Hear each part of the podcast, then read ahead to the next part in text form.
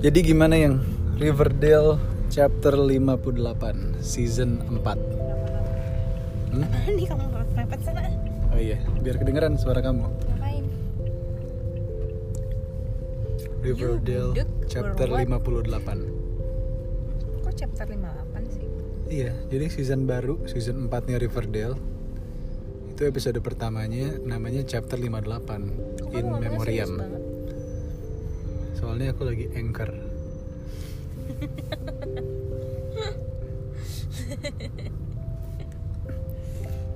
Langsung nangis kamu tadi yang. Sedih, Gimana? sedih. Menjelaskan banget gak sedih? Iya masih menanti penjelasan yang lebih spesifik. Enggak sedih aja. Soalnya kan beneran meninggal kan orangnya. Ini bukan cuman karakternya yang dibuat meninggal tapi emang orang aslinya meninggal dan cara mereka membuat karakternya meninggal pun juga kayak kayak siapa yang dulu main? It's been a long day. Paul Walker. Iya, Fast and maksudnya Furious 6 kalau nggak salah. See you again Charlie Puth. Iya, maksudnya tribute to the play to the aktornya tuh menurut aku terasa tepat aja. Fred Andrews bapaknya Archie yang udah meninggal ya Tapi nggak ini. Hmm? nggak nggak spoiler Enggak, ini nggak spoiler karena dia udah eh, beliau emang udah meninggal lama kan. Ini versi non spoiler dulu Oh. Cuman ya Hmm? Riverdale chapter 58 yang baru ini bikin 13 Reasons Why jadi nggak ada apa-apanya tau season terbarunya dia. Langsung dibabat. Kenapa kamu bisa bilang gitu? soalnya menurut aku kalau misalnya TV series udah lama nggak muncul dia akan ngerilis season baru. Episode pertama itu sangat menentukan moodnya. Kalau 13 Reasons Why setelah 30 menit atau 40 menit aku nonton masih belum tahu moodnya mau ke mana masih bingung inget kan ada karakter cewek baru itu kan ngantuk bu kerja keras ya Banget. Mantap dangdut. baru intens di terakhir ini senoparty banget sih Iya. wadaw bang Sena party nih goyang, babes. cuman Riverdale chapter 58 pembuka untuk season 4 langsung nyentuh emosi. Jadi wah bangke nih nyerangnya di situ. Ada beberapa scene favorit aku.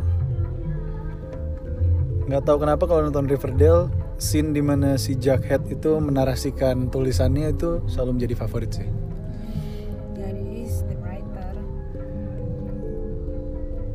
itu satu. Terus kamu sadar gak sih? Scene yang aku suka juga di Riverdale tuh kalau mereka lagi di diner. Yeah. Pops. Pops ataupun tadi lagi di oke langsung ke versi spoiler. Cherry Creek. Tempat Fred Andrews meninggal. Sadar gak sih kalau misalnya piringnya jaket tuh biasanya yang selalu beda dibanding yang lain tau? Yang selalu pesan strawberry itu siapa? itu Archie strawberry milkshake. Jagi itu aku suka karena taste-nya hampir mirip sama aku. Selain dia yang laparan anaknya, dia tadi pesennya pancake. Yang lain all day breakfast. Terus pas di Cherry Creek, piringnya si Jagi ada kecapnya. Kok kecap sih? Kecap, kalau di Amerika tuh bilang saus tomat kecap. Ada Aku kecap. pikiran kayak kecap saus bango. Aku kayak wah masuk built-in. Hmm, Tapi maksud aku aku kayak bango di Riverdale gimana ya? enggak. Tapi maksud aku kayak kamu bilang kecap kok kecap sih emang bule punya kecap gitu maksudku. Pokemon ada Gak kecap mall Yang lain Selalu ada makanan Tapi Jagi yang diperlihatkan Makanannya selalu habis Karena dia yang paling laparan kan Aku paling suka kalau Riverdale itu sih. Scene narasi sama scene di diner. Mentang-mentang anak narasi TV. Sukanya scene narasi. Ya masa aku bilangnya asumsi? Wow. atau NTM wow. Net Talent Management atau Narasi Talent Management? Yang dipegang oleh Chief Valen. Valen udah mau jadi manajer dua bujang by the way. Lol itu dia aku bingung. Terus ada satu lagu dari Guthrie di terakhir I'm Coming Home. Wah. Hmm. ini itu I'm coming home mana lagunya I'm going home salah itu Dotri dong yang. Tapi kamu tadi nangis terisak-isak kenapa sih? Enggak apa sih? Nangis lagunya nih. yang mana? Enggak lagu I'm coming Enggak, kamu home. nangis. jelasin dulu lagu I'm coming home yang mana. Ada Guthrie yang pas scene-nya itu lagi di taman belakangnya rumah Archie terus mereka main fireworks ngerayain 4th of July. Oh. Ini- lagunya kayak gimana maksudnya? lagu country folk gitu jadi back sound. Oh aku suka pas si siapa yang yang nyanyi? Penyanyi? Joe Josie. Aku suka banget pas Josie nyanyi Amazing Grace. Itu Dan bagus ya maksudnya kayak bener-bener dia nyanyi doang nggak pakai musik nggak pakai apa. Iya. itu kayak lagi hadir di pemakamannya Fred Perry bukan Luke Andrews ngerti nggak? Fred Andrews nama Riverdale-nya. Iya. Nama aslinya Fred Perry. Luke Perry. Luke Perry. Fred Perry baju ya? Iya kan tadi saya bilang gitu pak. Luke Perry bukan Fred Andrews. Kamu bilang Fred Perry asli. Oh, iya. silahkan ya. Didengerin lagi nih. Tuh Indah kayak salah barusan. Hati-hati loh anda newscaster nih mau direkrut di TV sebelah loh Lukman Sardi. Perry. Hai Mas Lukman. Yoi, Mas Lukman di Gundala cakep banget nih. Keren. Itu mau vibe tau nggak kayak apa? Kayak apa? Nick Fury. Bener, Nick Fury. Nick Fury berbewoks. Yoi. Balik lagi Riverdale yang. Oh oke. Kamu tadi nangis di scene, aku inget banget. Apaan? Scene, nggak inget gue scene. kamu nangis Sampai terisak-isak itu terisak pas Archie dipertemukan dengan satu cewek ini yang menjadi penanggung beban untuk Fred Andrews meninggal. Iya kan? Di situ. Gak tahu kamu nangis kenapa. Pas si ceweknya nyeritain kalau iya gue ketemu sama Fred setiap mobil yang lewat itu selalu lalu lalang kecuali Fred yang pengen nolongin gue dan dia cerita banyak tentang lo Ci. Kayaknya kamu ada tendensi di film father related movie. Kamu gitu biasanya. Aku ingat juga waktu itu kamu nonton film Dangal, ingat gak film India pertama yang kamu tonton? Piu Nah, tentang itu kan father related movie. Nangis tuh. Tapi Dumbo ibu anak kok tetap nangis kok gue banyak nangisnya bahkan itu parah banget nangisnya gila Dumbo aku sampai kayak Tapi tahun ini untuk film Disney Dumbo yang paling megang sih. Di antara Aladdin, di antara Lion King. Sorry ya. sorry aku tetap Lion King di hati Ya karena kamu subjektif sama singa kan. sorry Tapi kalau soal tone gila Tim Burton. Ya Iya, kamu kenapa tadi bisa nangis gitu? Gak tahu mana gue tanya mana gue ingat aduh duh. tangan aku Tapi emang ya kalau film-film father related kenapa tangan kamu? didudukin sama kamu Oh iya, sorry. Tadinya mau aku tiban. wow sama aja dong Oh iya.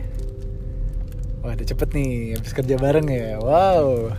Nggak pakai roaming. Nanti kita bakal cerita tentang pengalaman kerja bareng pertama yang Eh, Ciguy. enggak sebenarnya kita udah kerja bareng beberapa kali Iya sih, cuman ini project Pertama yang kalinya pakai cukup. kamera aja Masa sih? iya Pertama kali pakai kamera sebelumnya nggak pernah? enggak Oh ya? iya ataupun misalnya kita nge-podcast bareng juga nggak ada kameranya Waktu kita kita pertama kali ngejob bareng tuh apa sih? B- BMC. BNI. BRI.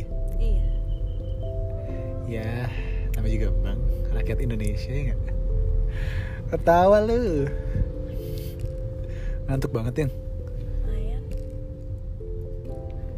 Sampai mana tadi ya? Oh iya, father related movie. Aku juga punya perasaan yang sama sih. Tadi aku hampir menitikkan air mata. tapi karena aku nangis Tapi jelek karena kamu duluan. nangis jadi ya udah. A- kayak ilfil duluan ya Eh, Gak ilfil sih. Cuman aku mikirin kamu kan lagi makeup Terus ya yang luntur dong. Enggak sih. Father Related movie tuh selalu kena juga di aku. Aku pernah nonton film The Judge Itu yang main Robert Eh Iron Man siapa? Robert, Downey, Jr. sama satu lagi yang jadi ayahnya.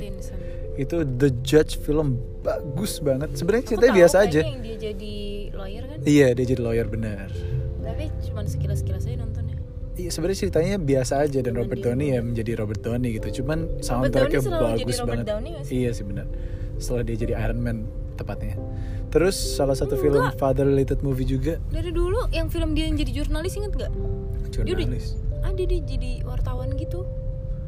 Robert Downey Jr. maksud sih? Kayak gitu juga kayak Iron Man. Iya sombong-sombong gitu juga. Lagi mem- men- memecahkan masalah yang nggak aku, aku habis pikir tuh dia jadi Iron Man sama jadi Sherlock Holmes tuh gimana ya maksudnya ya sama aja tipe pemikiran iya ya kan Iya. Anyways, sih balik lagi ke ini flag edit nggak tahu buat apa coba. Cuman untuk marking aja. Lagi technical anchor tutorial. nih aku sampai ngebuka ini tau gak Sama klik dulu ada film Adam Sandler. Nonton nggak? nonton Wah, itu sedih juga tuh yang father related movie. Oke, balik lagi di Riverdale.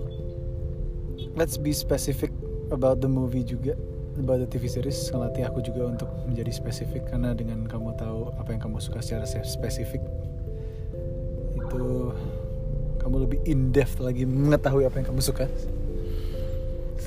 Ada yang Tadi sempat ada part yang gak masuk akal pas diceritain kalau oh ternyata Fred Andrews matinya itu gara-gara nge-hitchhike orang. nge-hitchhike enggak Iya, kan Fred Andrews kayak nolongin orang yang mau diantar gitu kan jatuhnya. enggak ada orang mobilnya mogok Fred Emang iya dari awal udah cerita Iya. gitu? Oh iya. iya Tadi kan aku sempat bilang ke kamu kan lah. Orang mau hitchhike orang mas mestinya dia masih di mobil dong. Kenapa dia yang ditabrak? enggak ada orang mogok mobilnya terus dia membantuin Oke lupakan yang barusan gue omongin. kan Terus mengenai ini loh timeline film, kadang tuh ini lagi Halloween. Riverdale rilisnya ini Halloween Oktober. Tapi dia udah fokus ke 4th of July yang di mana, eh lu kayaknya mau ngebut ke tahun depan banget gitu. siapa tuh tahun lalu Bisa. Tapi biasanya kan kita maju kan. Kayak misalnya cocok loginya sama Taylor Swift punya Lover. Lagunya rilis setelah Summer. Itu lagu Dead Bachelors. Oh, sorry, sorry. Rilis 1 November, thank you. 2019 masuk. Taylor Swift lagu Lover itu udah ngomongin sampai till the end of December atau till the end of January gitu. Keep the Christmas lights until the end of January. Udah masuk ke tahun 2020 depan. Kenapa ya? Timeline itu ya. Tapi memang timeline yang pas itu adalah film Joker. Bulan Oktober, Halloween, Joker. Udah fix. Ya nggak, Yang? Soalnya kamu sambil main Instagram. iya ini aku tuh tadi abis ngupload ngupload soalnya Upload apa? itu foto-foto banyak banget deh nggak kelar kelar Kerjaan. enggak foto lamaran Oh. Mau aku nggak bantuin nggak? sudah sudah kamu lakukan Oh iya benar. support lah Tapi aku penasaran sih sama Riverdale. Enggak, aku penasaran. Karena kamu kalau aku ajak nonton juga kamu pasti iya iya aja. iya Ya sekilas tentang Riverdale ya. Mm-mm. Jadi kerja pertama di Jux Karaoke Superstar volume 2 gimana? kayak itu bakal jadi kayak pertama kalinya kita on cam bareng sih Emang iya? Tadi udah dibahas dua kali nih pendengarnya denger Oh iya, aku masih nggak percaya yang BRI mungkin ada snippets gitu. Mereka ngerekam nggak ya? ya mungkin tapi kan maksudnya ibaratnya itu kan ya off air Iya sih.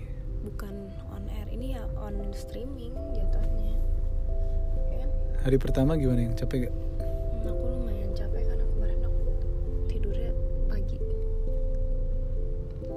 enggak Siapa suruh? Oh main live after ya? iya Aduh.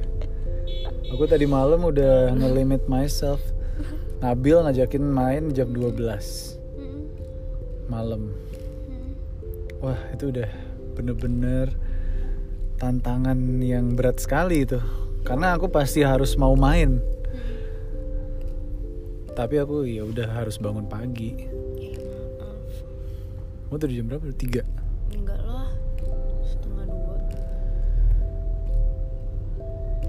Pokoknya aku kalau misalnya besoknya ada kerjaan pagi, enggak aku soalnya sambil maskeran jadi kayak Hmm. nungguin kering nungguin ada cuci kan kalau ada kerjaan pagi tuh pasti udah jam 12 harus tidur. orang callingan kita siang kerjaan siang kan jadinya Iya callingan sih. kita jam 1 makanya aku kayak ah slow gitu orang aku biasa callingan tuh jam 6 Iya juga ya. iya aku kan callingan maksudnya kalau syuting gitu ya misalnya siaran pun aku biasanya dijemput jam 4 pagi.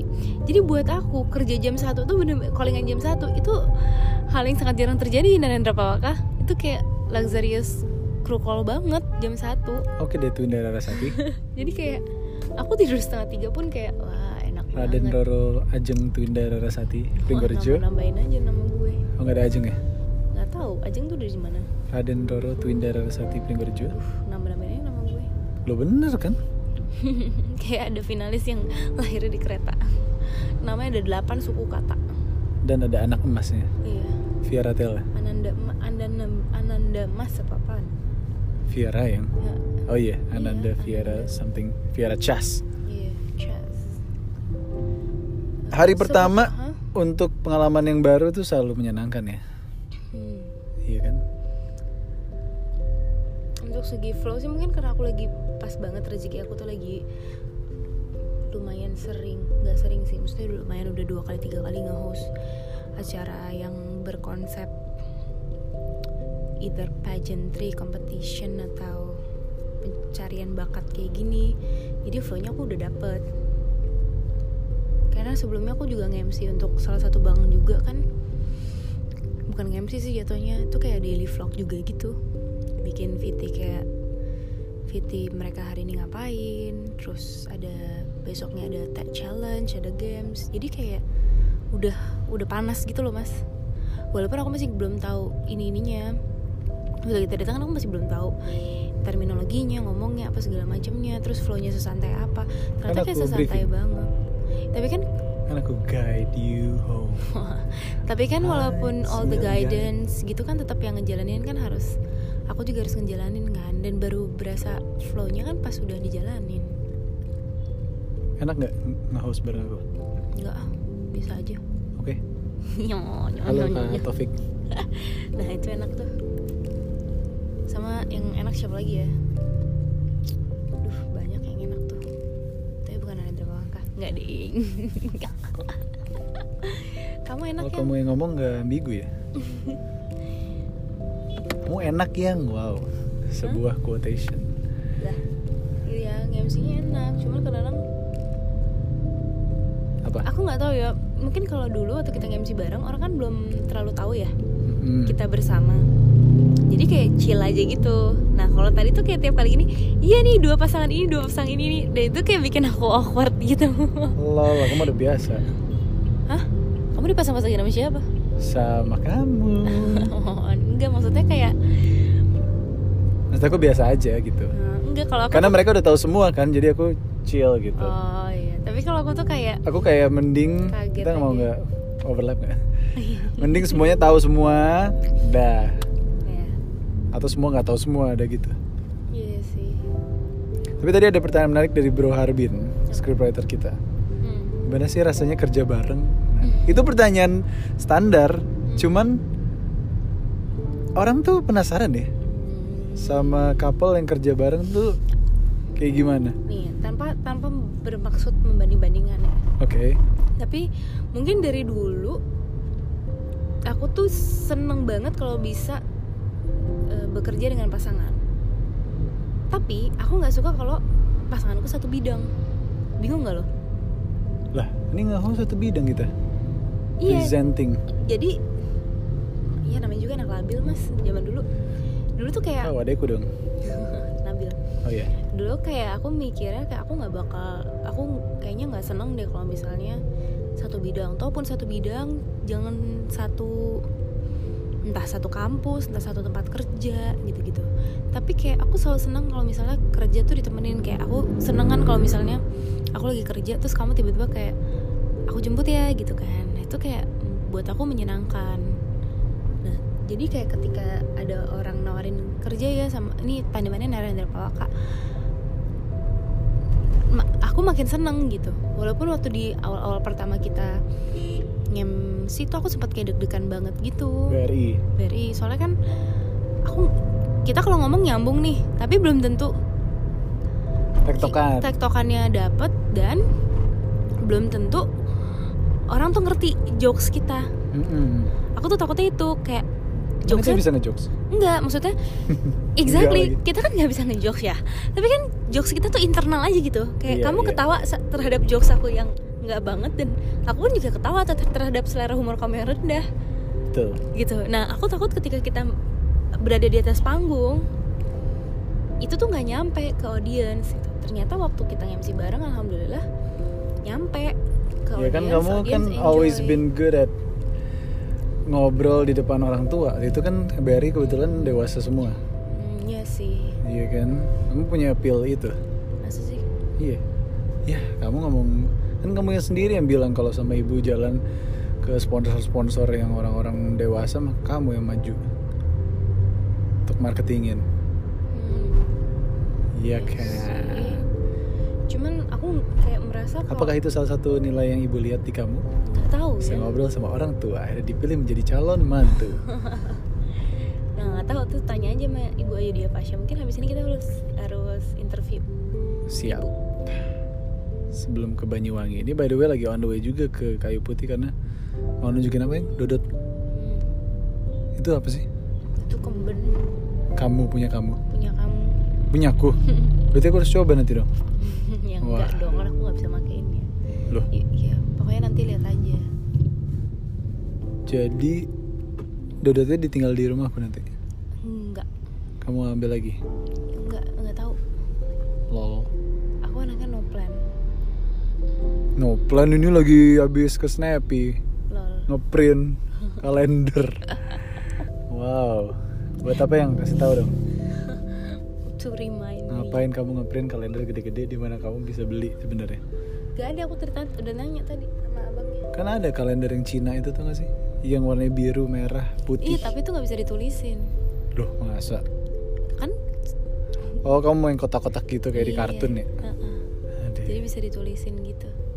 Lol. Kayak seret seret seret seret gitu. Emang nih anak gen... analog gua. Kamu tuh milenial gitu kan? Aku milenial, tapi milenial analog. Maksudnya kayak biarpun udah ada kalender ya, udah ada kayak aplikasi kalender juga apa segala macam. Cuman tetap kalau aku cuma nulis di digital, aku tuh nggak akan inget dan itu tuh menurut aku tuh jadi terapi gitu loh, Mas. Karena kita terlalu mengandalkan otak kita terhadap sesuatu yang berbentuk digital, kita Sedap tuh jadi nih. malas mengingat. Masuk ke kuliah modern mindfulness. Modern mindfulness. Apa yang kamu dapat dari buku itu? Hmm, Bawa nggak? Bawa. Bacain dikit dong.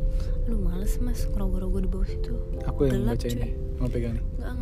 Aku mau cerita aja Aku boleh nggak cerita? Oke.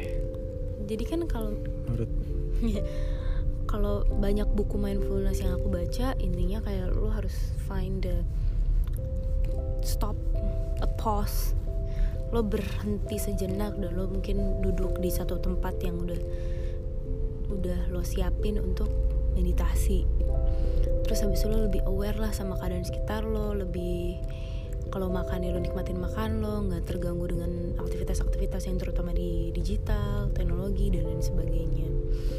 Nah kalau modern mindfulness bu- buku ini agak berbeda. Dia tuh nggak mengajarkan kalau dia bilang itu tuh kayak formal teaching of mindfulness and meditation. Yang harus duduk yang harus ada ada tempat khusus yang harus uh, belajar meditasi yoga dan lain sebagainya kalau dia tuh kayak lo tuh manusia digital sekarang. Teknologi tuh udah semakin maju. Lo nggak bisa pergi tiga hari and do a detox digital. You cannot avoid digital. Karena lo sebagai manusia akan harus terus berkembang.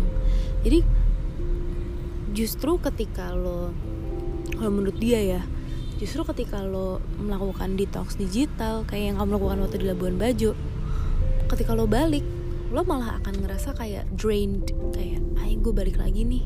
Padahal cuma tiga hari doang to ya? the routinity apa segala macem gitu.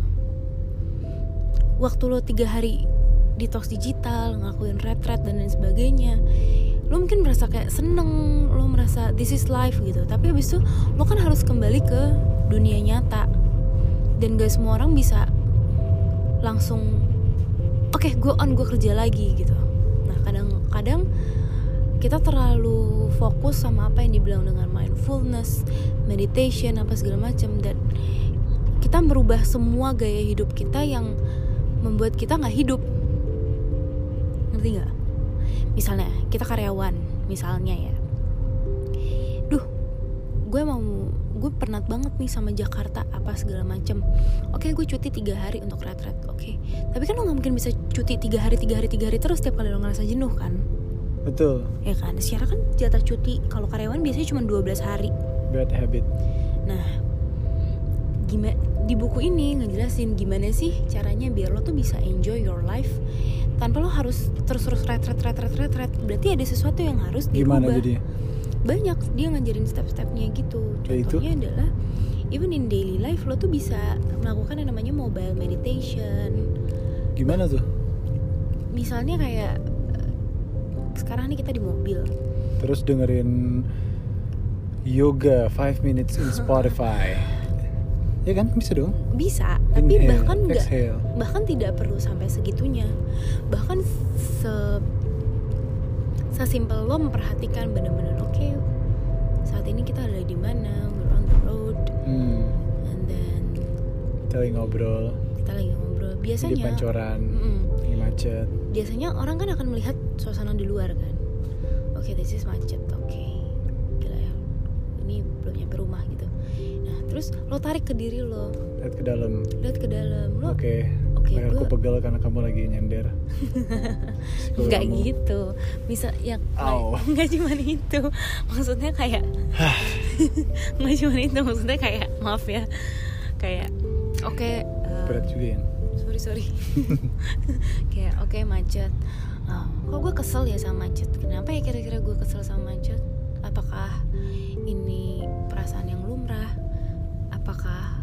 gue merasa marah pada terhadap macet. Jadi kayak lebih analyze yourself gitu. Lama-lama ketika terjadi sesuatu lo nggak marah lagi dengan situasi dan kondisi yang terjadi di sekitar. Karena sebenarnya situasi dan kondisi itu akan selalu ada. Tapi balik lagi gimana how you deal with it? Ya kan? Jadi semua semua yang ada di dunia ini itu tergantung reaksi kamu aja karena kita nggak akan pernah bi- bisa kayak ngerubah macetnya pancoran sekarang Iya sih, aku. we have no control over that bahkan kita salah satu orang yang menyebabkan kemacetan Tapi kalau kita nggak bereaksi itu salah nggak? nah no reaction is also a reaction Oke. I like that. sama kayak No reaction is Iya. also Ses- A reaction. Sesimpel sesimpel contohnya gini. Kamu nggak pasti ada dong yang pernah ngechat orang di sini. Terus eh, udah ngechat, di read doang nggak dibales. Hmm. Itu kan udah respon sebenarnya. no reaction. No reaction is also a reaction. Ketika lo cowok lagi ngeriting cewek terus tuh ceweknya nggak balas-balas, ya lo udah mulai sadar dong oh respon dia tidak membalas ternyata dia tidak merespon dengan baik nih eh, pendekatan gue. Itu Jadi- modern mindfulness. No reaction is also reaction. Ya aku baru kayak halfway through sih. Yang kamu bisa aplikasikan ke dalam hidup kamu apa? Hmm, banyak. Kamu mengaplikasikannya nggak? Belum, karena aku Kenapa? masih stuck in the same habits Hmm, kenapa ya? Karena nggak semua bisa langsung aku aplikasiin. pilih-pilih mana bisa mana enggak Karena menurut aku ka- kalau kita kayak belajar sesuatu nggak mungkin kita langsung A sampai Z. pelan sebiji-bijinya. Iya. Terus udah gitu kayak lagunya Petra oh, biji. Tungguin di narasi video podcast dua bujang. Iya, iya. iklan. Ibaratnya gini ketika kita belajar tambah-tambahan gitu ya kita bisa satu tambah satu satu tambah dua waktu SD kan tapi when it comes to 10 tambah 17 17 tambah 19 udah angka-angka ganjil gitu. Kita masih need process to learn that kan. Nah begitupun buku ini. Setiap kali aku baca buku nggak semua bisa langsung aku aplikasiin. Ada learning process and learning curve-nya yang harus aku lewatin. Gitu. Recommended nggak bukunya? Menurut aku if you're into mindfulness ini bagus. Cuman dia sendiri juga bilang kayak hmm, kalau lo tipe orang yang mau mindful dari segi agama karena kan ada beberapa orang yang memang mendalami meditasi dari segi agama memang buat ritual agama. Nah buku ini bukan buku yang tepat buat lo karena buku ini mengajarkan meditasi dan being mindful tanpa embel-embel agama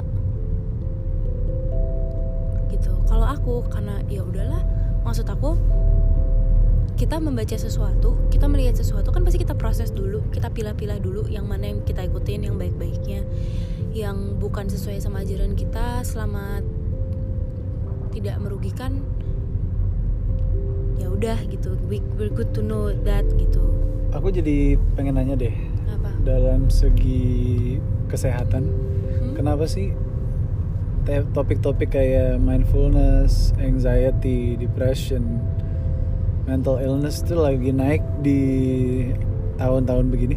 tahun-tahun begini. Karena menurut aku Kan sebenarnya hal yang udah dari dulu kan? hal yang udah dari dulu. Tapi menurut aku sekarang peer pressure atau social pressure itu sudah semakin tinggi gitu loh mas. Dengan adanya satu social media. Dua eh, media-media provokatif. Intinya media salah satu salah satu apa ya Setuju sih. Lo Tidak. ingat nggak? informasi udah semakin gampang kan tanpa maksudnya informasi apa pun mau positif atau negatif itu gampang banget untuk didapat Ingat nggak sih line pertama film Joker apa? apa The news never end. Nah, tuh tuh, the news. Sebenarnya yang bikin film Joker itu jadi bermasalah adalah news sekali lagi. Coba nggak ada berita. ya Nggak, aku nggak ada kerjaan nggak. dong Iya sih, tapi kayak kadang gini, kadang gini. Nggak ini dari perspektif yang beda ya. Kadang Iya, aku tuh ngerasa kalau misalnya dunia ini tuh nggak ada berita, Hmm. kayaknya nggak ada yang bisa ngeprovoke kita deh. Kayaknya kita bakal karena aku tipe orang yang kalau aku ada perselisihan, ada orang berantem, fights, aku tipe orang yang gue nggak mau tahu, gue kabur, gue menghilang gitu. Nah, kalau di film Insurgent tuh gak sih?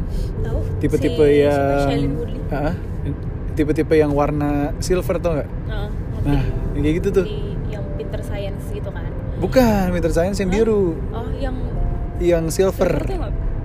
Silver tuh lebih yang kayak selalu jujur Iya sih, yang konservatif. Terus kayak hidupnya tuh nggak pernah nyari ribut. yang mana sih yang si Shailene I- Woodley iya, yang yang silver. Shailene Yang Woodley. Steve siapa sih silver yang mana Ada yang silver yang. Shailene itu per- percampuran dari semuanya kan. iya Tapi kalau nggak salah bokap atau nyokapnya tuh, si silver ah, ah. oh iya Steve The iya the Steve. Steve. The Nah Steve. iya itu. oh yang hidup Iya. Nah, tapi kamu lihat kan ketika mereka hidup Ah, ah. hanya dengan dirinya sendiri gitu ya, hanya dengan udahlah gitu kita tanpa tahu dunia luar, kita stay cool aja. Iya, tapi stay itu awesome. itu being mindful nggak? Sekte itu. Menurut kamu? sebenarnya being mindful adalah untuk benar-benar tahu what is happening here and now kan. Iya.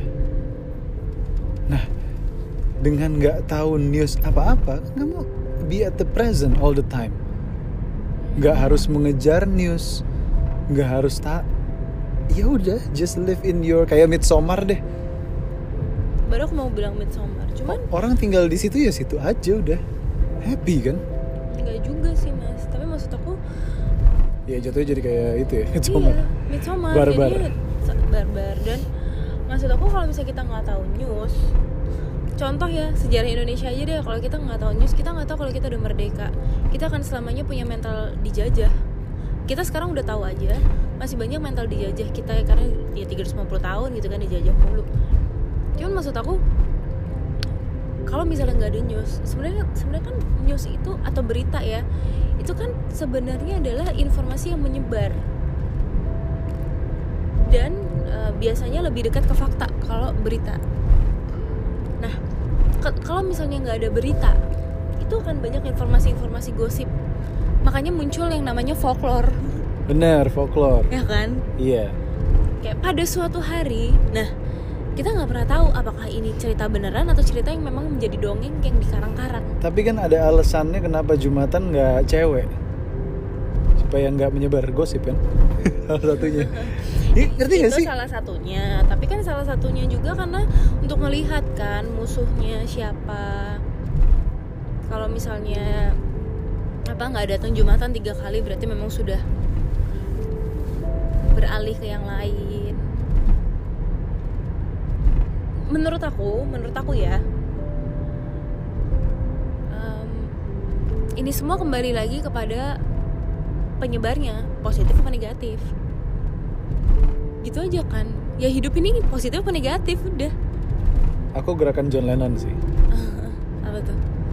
Imagine all the people living life in peace. Iya iya iya. Tapi bukan berarti berita itu nggak ada. Karena toh maksudnya aku lima tahun di, di berita gitu ya. Aku nggak selalu memberitakan tentang hal-hal yang menyeramkan provokatif. Aku bisa memberitakan tentang hal positif kayak contoh. Kemarin ada kemarin ada idea fest. Ya kan? Nah itu aku bisa memberitakan itu bahwa sekarang ada movement positif ada orang bisa datang ke sebuah conference dan mendapatkan ilmu. Itu kan juga berita mas jadi kayak sebenarnya ini masalah sudut pandang aja menurut aku. Iya dan lagi-lagi untuk membuat hidup balance untuk tahu mana yang positif kamu harus punya yang negatif. Betul. cuman ya aku kadang suka ngebayangin aja kalau hidup tanpa ada berita itu seperti apa gitu. Orang kayaknya nggak bakal melakukan aksi demo aksi Belum tentu. damai gitu kan? Belum tentu. Kalau nggak ada berita tapi ada film yang memprovok termasuk film? Gimana tuh? Nggak ada film. Nggak ada- nggak ada yang namanya media. Musik. Musik pun juga bisa menggerakkan orang kan mas? Bisa. Exactly. Jadi kayak menurut aku iya cuman kalau misalnya nggak ada media nggak ada musik. musik rock. Tapi yang rebellious. Atau mungkin sekarang hip hop yang lebih rebellious. Iya, musiknya mungkin musik-musik gospel gospel bisa yang menenangkan gitu loh yang belum tentu. Ini kacamata aku naif banget sih mengharapkan dunia yang tapi just imagine for one second. Oh it, it would be amazing. Tapi maksud aku gini mas. Itu semua ada. Tinggal kita gimana menanggapinya kan? Tuh ya kan? Sekarang kalau misalnya nih banyak berita-berita berita di luar sana. Tapi kalau emang kita orangnya nggak nanggepin nggak mudah terprovo- terprovokasi selalu konfirmasi ulang berita yang ada dan tidak terlalu fanatik terhadap satu pihak dan menjunjung tinggi perdamaian gitu kita nggak akan terjadi provokasi dan lain sebagainya nggak akan rusuh gitu. Ya kan? Contoh New Zealand. Ya kan? Yang tiba-tiba ada yang tiba-tiba ada penembakan di dalam masjid tapi masyarakatnya bisa dengan tenangnya mereka menanggapinya langsung perdana menterinya mengcover itu semua. Caranya adalah dia tidak menyebutkan nama em, pembunuhnya tapi dia nyebutin nama korban. Karena memang yang harus yang harus kita hebat juga ya. remember adalah mereka gitu. Jadi sebenarnya malah kita orang-orang Indo yang bikin konten-konten tentang itu ya? Exactly. Jadi maksud aku siap. sebenarnya tuh ini kenapa aku cinta banget sama New Zealand. Nyinyir. Karena mereka damai aja gitu. Nah itu tuh yang cocok kayaknya aku tuh di situ. Iya. Tapi balik lagi New Zealand tetap part of the world. New Betul. Zealand tetap tahu perkembangan dunia. Tapi emang dasarnya orang-orang di dalamnya udah udah konten udah cukup udah damai ya mereka nggak terprovok dengan ini dengan gampangnya. New Zealand tuh orang-orang yang born as a moderator kayak Lord. Anjay punya lagu tim keren banget itu. Menurut We aku live in cities.